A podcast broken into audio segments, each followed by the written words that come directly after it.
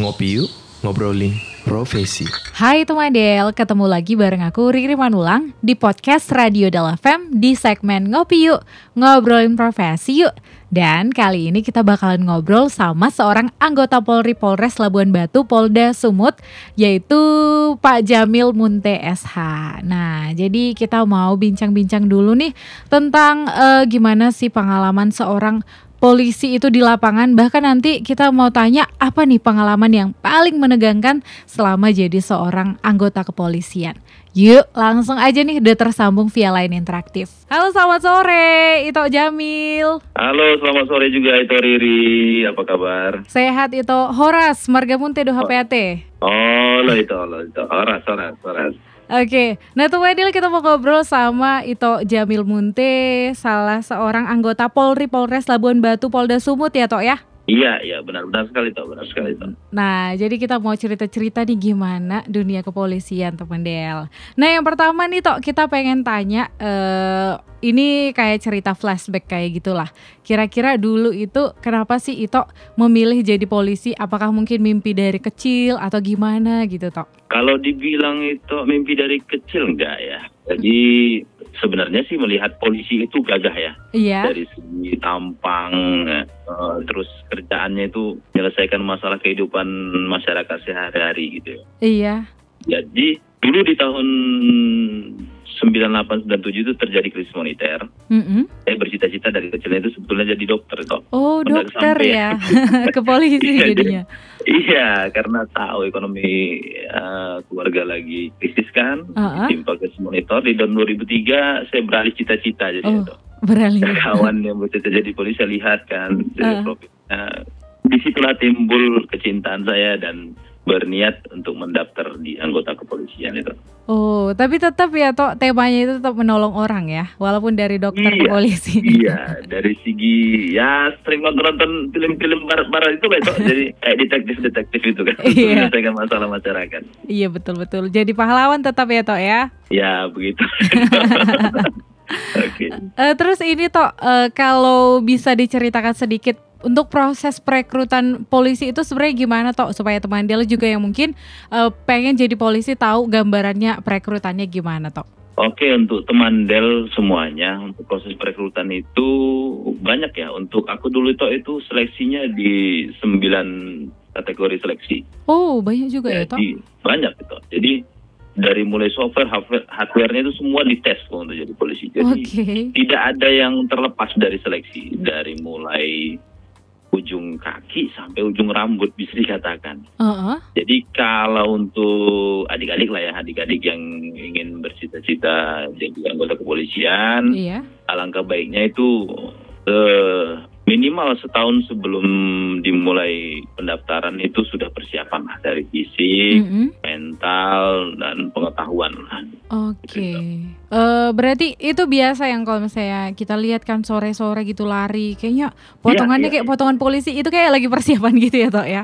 Iya, iya betul loh karena memang eh, saingan kita kan banyak ya. Heeh. Saingan kita itu pasti banyak. Dari kami dulu hampir lima ribuan kayaknya yang diterima itu cuma 350 orang. Wah banyak sekali Ah, yang jadi- ya. Jadi kita harus ya namanya kita bercita-cita kan itu.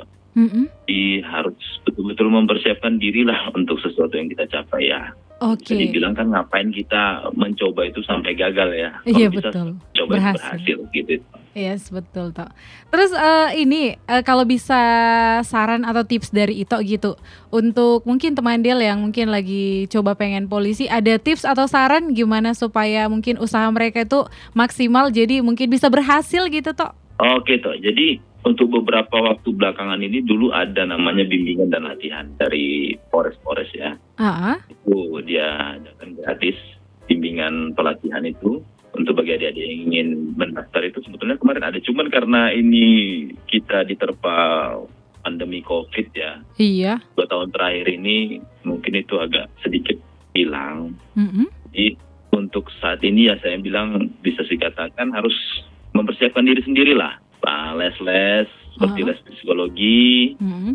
eh, lalu les untuk jasmani lah ya persiapan lari-lari push up restop Ah, shuttle run harus betul-betul dipersiapkan Oke. ya itulah ya itulah yang utama ya itu. Hmm, berarti Saya juga tanya-tanya Oh. ke mungkin senior atau abang-abang yang udah menjadi polisian gitu kan pasti mungkin ada lah ya kenalan atau Iya. saudara kan. Banyak-banyak bertanya gitu, ambil referensi sebesar-besarnya. Oke. Ber- Demikian. berarti secara umum nanti itu tesnya memang fisik, intelektual sama psikologi ya, Tok ya? Kesehatan juga tuh. Oh, banyak. kesehatan. Kalau misalnya ada penyakit bawaan berarti sama sekali gak Iya, bisa ya, Tok jadi ya? kita kan gini, kalau kesehatan kan kita makanya saya bilang persiapan itu dari setahun minimal setahun belakangan gitu ya sebelum tes itu Mhm. kita sudah cek fisik, cek kesehatan. Mm-mm. Jadi kita bisa tahu kekurangan kita itu di mana gitu. Oke, Nah, siap. kekurangan kalau dan kita di mana. Jadi bisa persiapan betul-betul disiapkan lah. Hmm, oke oke Tok. Demikian. Terus kalau untuk standar tinggi badan bisa di-share Tok? Kalau untuk tinggi badan ya itu bervariasi kadang-kadang per penerimaan per tahunnya itu eh, berubah-ubah. Oh gitu. Tapi Uh-huh. iya berubah-ubah. Jadi eh, eh, ada waktu penerimaan aku itu Mm-mm. 163 ya 163 Oh. cm. Itu untuk ada laki-laki. juga pernah 165. Untuk saat ini kayaknya penerimaan itu di atas 165 untuk polki ya. Pol- Polwan itu lupa itu berapa. Di bawah polki lah biasanya. Oh, berarti sekarang 165 gitu ya, Tok? Iya, rata-rata 165. Tapi tiap tahun itu berubah itu. Oh, gitu ya. Bisa nanti dia sama eh, dua tahun sama atau nanti berubah lagi gitu tergantung permintaan dari rekrutmen Mabes lah. Oh, oke, siap kalau gitu. Kita mau lanjut lagi nih pertanyaannya itu tentang bagian-bagian di kepolisian atau posisi. Kalau misalnya kayak kita ya di radio kan eh orang biasa mikir radio itu cuma penyiar gitu. Eh ternyata ada Iya. banyak bagiannya. Sama pasti kayak di kepolisian kan mikir cuma polisi yang mungkin nangkap pencuri, nangkap penjahat atau yang ngamankan lalu lintas. pasti masih banyak nih bagiannya, Tok. Oh gitu. Secara garis besar ya untuk di umum di kepolisian itu dibagi eh, ada polisi umum, Mhm. eh, brimob, baru korps brimob, korps brimob, baru korps pol airut. Oke. Itu secara bagian besar ya. Heeh. Aku di bidang polisi umum, polisi umum sendiri itu untuk tingkat mabes apa itu banyak sih sebetulnya bagian-bagian ada staf min apa segala macam gitu ya. Tapi Uh-uh. secara umum Iya. untuk kan ada struktur organisasi namanya ya. Iya. Organisasi polisian. Secara fungsinya ini ada ada struktur pimpinan, ada struktur operasional gitu ya. Heeh. Nah, kalau eh, struktur operasional itu biasanya itu Sabara, Binmas, Intel, Reskrim dan Lantas gitu. Hmm. Itu secara umum. Itu secara umumnya ya, Tok ya. Berarti ada empat bagian secara umum gitu, Tok. Eh, lima ya. Lima Ada bagian. Sabara, Binmas, Intel, eh, Lantas, Mhm. Reskrim dibagi dua itu reserse kriminal dan reserse narkoba. Oh, gitu ya. Berarti beda yang nanganin kriminal sama narkoba ya, Tok ya. Beda itu jadi itu dari pisah dulu sih sama ya, sekarang udah dipisah. Tetap dalam satu naungan res reserse kriminal namanya, tapi udah dibagi dua bagian. Oh, gitu. Banyak lagi bagiannya banyak lagi tuh, banyak lagi sangat banyak. Dan itu mungkin eh, kalau orangnya misalnya Mhm. itu ditentukan ke bagian apa yang menentukan itu pimpinan atau misalnya gimana, Tok? Melihat kemampuannya. Eh, secara umum itu pasti pimpinan ya. Oh, Tapi kita kan mungkin pimpinan itu juga melihat basic dari seseorang itu dia di mana, gitu kan? Basic basicnya dia di staff atau basicnya dia di bagian intel Mhm. atau lantas, sabara atau mungkin binmas. Hmm. uh, sesi kriminal tadi kan itu ya kadang jiwa-jiwa manusia ini menentukan pilihan di mana dia lebih tugasnya gitu kan. Iya betul. Berarti memang Iya. tetap disesuaikan sama kemampuannya, Tok ya. Di mana Iya, skillnya gitu. gitu ya. Ya skillnya skillnya ya skill masing-masing gitu. Kalau itu sendiri nih eh, anggota Polri Polres Labuan Batu. Mm-mm. Ini Mhm. eh, tugas utama itu apa kalau boleh tahu ya, Tok ya? Kalau aku sendiri toh saat ini menjabat di Bintara Operasional Satuan Reserse Narkoba Polres Labuan Batu. Mhm. Jadi kalau orang umum bilangnya itu intel gitu ya. Oh gitu. Jadi tekap tapi ada bilang tekap tukang tangkapnya. Jadi khusus yang nangkap bandit-bandit lah toh. Oh ya, yang pakai jaket kulit itu ya, Tok. Enggak gitu. Enggak gitu juga. Nggak gitu juga. Tapi ya, mungkin itu kan ada di film-film. Iya, di film-film.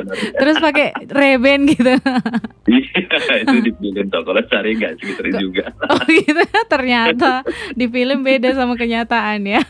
Ya, ya, ya kan namanya kita kan eh, undercover ya, kita penyamaran, Ah, ah. kan ke bandit-bandit atau bagian eh, pelanggar tindak pidana itu kita kan harus bisa jangan sampai diketahui mereka keberadaan kita supaya kita bisa menangkap mereka itu dalam posisi tertangkap tangan gitu Oh gitu ya Tok. penyamaran lah gitu penyamaran Aku jadi penasaran nih Tok. Eh, kalau misalnya untuk penyamaran itu apakah hanya dari baju atau mungkin ada kayak film-film lebih eh, misalnya dari rambut juga dibuat eh, terus juga mungkin dikasih tompel atau gimana? Apakah lebih ke situ Ya, Tok? ada ada Ada juga jadi, ya. jadi ya kita memang harus betul-betul melihat situasi dan kondisi kita di situ bagaimana kita bisa melakukan penyamaran dan mereka tidak mengetahui Hmm, berarti memang kita- maksimal ya.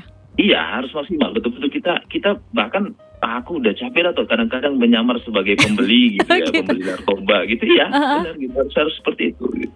Oh. jadi harus betul-betul memang ya memang di film itu Bener, tidak seindah bener ya. di lapangan gitu Kecuali yang pakai jaket perlu- tadi ya Tok. iya ya orang pasti tahu lah kalau kita pakai jaket pakai kacamata. Ray-Ban, orang oh ini polisi gitu gagal penyamarannya betul betul. Terlalu ini ya nyentrik ya. iya terlalu nyentrik gitu. Oke deh Tok. Eh, terus ini untuk penerapan peraturan selama pandemi di Labuan Batu Tok, kita penasaran juga gitu. Kalau di sana itu eh, gimana nih peran polisi untuk eh, mengamankan penerapan mungkin PPKM yang sedang dilakukan di beberapa daerah gitu Tok? Ah, untuk di Labuan Batu sendiri tuh di proyek tempat aku tugas saat ini masih dikategorikan zona kuning ya. Zona kuning, oke. Jadi masih masih belum diterapkan secara ketat untuk ppkm. Jadi saat ini masih, kita himbau dan eh, belum begitu apalah belum diterapkan benar-benar untuk penyekatan ppkm. Oh, berarti yang mengamankan itu belum ada ya Tok ya? Karena memang Belum masih untuk seperti yang kita lihat di, di apa Di TV belum itu. ketat. Hmm, Kita tetap, tetap melakukan himbauan dan juga eh, upaya-upaya untuk penanggulangan COVID ini yang menyebar secara luas. Jadi belum seketat yang daerah-daerah tertentu gitu. Tok. Oh gitu. Terus aku pengen minta tanggapan itu aja sih gini. eh, sebagai pihak keamanan gitu kan, kita kan ada lihat di beberapa video gitu atau juga TV yang ada pihak keamanan tertentu atau oknum tertentu gitu mengamankan dengan cara memporak-porandakan bahkan ada yang terlihat seperti hampir main tangan gitu. Kira-kira sebenarnya itu gimana sih? Toh apakah memang seperti itu yang diperintahkan dari atas atau mereka mungkin salah menanggapi perintah gitu toh? Eh, enggak sebenarnya kalau secara garis lurusnya perintah itu pasti tidak ada yang dibenarkan seperti itu ya Heeh. tidak dibenarkan cuman mungkin situasional di lapangan ini kita kan nggak tahu ya Toh. mungkin kita jangan memandangnya dari kacamata anggota keamanannya ya kita juga pandang dari eh, masyarakat sendiri mereka sudah sadar tidak gitu kan bahwasanya juga tugas petugas yang itu juga yang tugas di lapangan itu juga manusia biasa Mhm.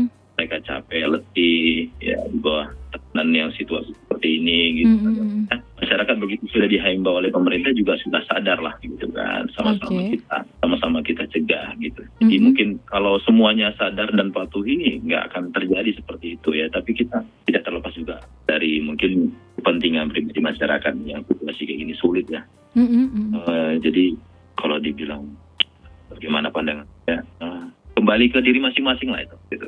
Kalau namanya kekerasan pasti saya tidak setuju tidak ada Iya. yang dibenarkan dalam tugas itu Kekerasan. kecuali preventif ya seperti kami mungkin keadaan terpaksa mhm, mhm. gitu tuh juga dengan prosedur ya SOP undang-undang gitu tapi kalau eh, dengan kekerasan yang seperti ini kan sifatnya hanya himbauan dan apa masyarakat Mhm. janganlah sampai kekerasan, Kekerasan. masing sadar lah gitu masih dari pihak Nah, dan juga masyarakatnya Oke, jadi ini sebelum kita eh, ke terakhir, apa yang pengen Ito sampaikan sama petugas keamanan ya mungkin lagi mengamankan nih, Eh, kayak Ito bilang tadi pasti terkadang situasi yang nggak bisa terkendali akhirnya memancing emosi gitu. Terus juga untuk masyarakat nih yang sebagian juga ada yang bebal, apa yang pengen Ito sampaikan? Oh, kalau untuk saat ini ya, mari sama-sama kita eh, bahu membahu, baik petugas maupun masyarakat, Mhm. Eh, semua golongan lah ya, dari pengusaha, eh, aparat, pemerintah, bahkan semua lah semua unsur masyarakat, sama-sama lah kita membahu membahu untuk mengatasi pandemi saat ini supaya bisa selesai Mhm. dan semua bisa berjalan lancar se- sedia kala lagi. Amin, amin, amin toh. Eh, terus ini balik ke pengalaman itu lagi sebagai seorang polisi, pasti banyak nih pengalaman seru, apalagi juga mungkin yang penyamaran itu ya kan. Nah, Kira-kira ada nih nggak pengalaman yang pengen diceritain sama temen Del gitu yang eh, kayak tak terlupakan Eh. gitu toh, unik gitu. yang seru banyak ya toh ya. Heeh. Yang itu banyak karena kan kita aku eh, di opsional hampir setiap hari itu bersinggungan dengan tindak pidana ya. Oke. Banyak banyak keseruan dalam penangkapan itu dan, dan tim itu ya. Heeh. Tapi kalau aku bilang seru eh, dalam dalam kutip yang menegangkan aja lah ya. Oh, Yang mungkin lebih ke menegangkan ya. Kan pengalaman pernah hampir mati Hmm. dikeroyok hampir berapa ratus masyarakat Oh iya. di yang mendukung tidak tahu mendukung atau mungkin salah paham ya tapi itu memang seperti kampung narkoba Heeh. kami pernah menang ada dua orang eh, dan narkoba dalam satu rumah dan Oh. itu basis kampung narkoba sepertinya Heeh. begitu kami masuk ke dalam rumah tangkapan lalu tiba-tiba eh, kami enam orang tersangka dua orang Mm-mm. eh, tiba-tiba terdengar seperti suara le- ledakan senjata tapi tidak ternyata itu batu dilempar masyarakat ke atas Seng. seng ya Heeh. atas seng itu sangat besar gitu dan gitu keras Heeh. ya kejut gitu kan. Siapa yang meledakkan senjata? Senjata cuma kami pakai dua. Iya. kemudian itu berselang sampai setengah jam itu kami habis dilempar batu sam- beratus-ratus orang. Hampir hampir kami mati. Udah udah memang eh, di pikiran saya itu kalau tidak saya cacat berat Heeh. ya almarhum. Oh gitu ya toh. sampai ah betul-betul menegangkan sih. Dan itu ada beberapa kali beberapa bukan hanya sekali ada beberapa kali. Hmm. kejadian seperti Karena memang ini apa ya eh, pasti banyak bersinggungan dengan hal-hal yang kayak gitu ya toh hidup dan mati Iya. karena gimana ya pihak keamanan gitu. Tapi Iya, aku pengen tanya apa yang buat Ito tetap semangat untuk ngejalanin ini padahal hampir terenggut nyawa juga gitu toh. Apa kira-kira yang mendasari toh? Jadi memang basic basicku itu kan di dunia kriminal ya Don. dari mulai polisi juga memang sampai sekarang ini bertugas Mm-mm. di opsional TK. Ya, jadi satu kepuasan tersendiri apabila bagi kami opsional itu bisa mengungkap tindak pidana berhasil mengungkapnya gitu. Mm-mm, mm-mm. Ada satu macam Kepuasan Mana kesenangan gitu ya toh. maksudnya kepuasannya puasa tidak ya bukan puas sih maksudnya ada semacam Kebanggaan? energi positif keberhasilan kita gitu Oke. ketika ada ada informasi di sana ada pengedar narkoba orangnya ini dengan ciri ini seperti ini yang sudah meresahkan masyarakat gitu kan Mm-mm, Eh, itu kan sulit kok. Wah, sangat sulit itu satu satu kasus bayangkan udah berapa kasus yang saya, saya selesaikan gitu kan selesaikan ya gitu ya Iya. dan itu bisa berhasil tuntas aman tercapai dengan baik lengkap dengan barang buktinya tersangkanya Mm-mm. bawa ke kantor itu kayak satu kebanggaan itu oh ini loh kami berhasil gitu Hmm. Oke, jadi oke. dilihat masyarakat juga oh, mereka juga puas oh, bahwa polisinya sudah kerja benar-benar kerja sudah mengamankan ya, apa yang kami keluhkan di sini gitu jadi macam ya itulah saya bilang energi positif loh kalau puas itu apa kan ya, energi positif bagi kami gitu lah Iya, mungkin Oke. kayak udah dari hati atau udah passion gitu kali ya toh. iya iya benar Jadi Benar, itu. seberat apa pun tantangannya karena udah senang melakukan itu akhirnya tetap dijalanin gitu ya toh. jadi kami sudah kalau untuk nyawa itu udah kami pasrahkan jadi kita memang bukan bukan takabur ya kita Ah. di mana pun itu mungkin ya tidak terlepas dari kepastian gitu kan Iya.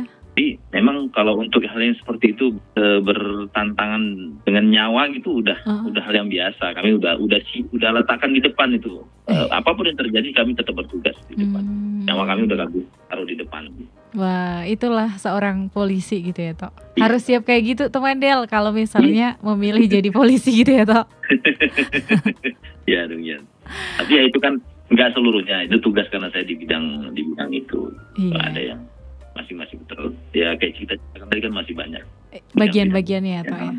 Oke siap, makasih banyak untuk ini sharing hari ini Tok. Tapi ada satu lagi Tok, Eh, apa pesan itu buat teman Del nih yang lagi ngejar eh, dream jobnya atau juga nentuin profesi apa kira-kira yang mau digeluti?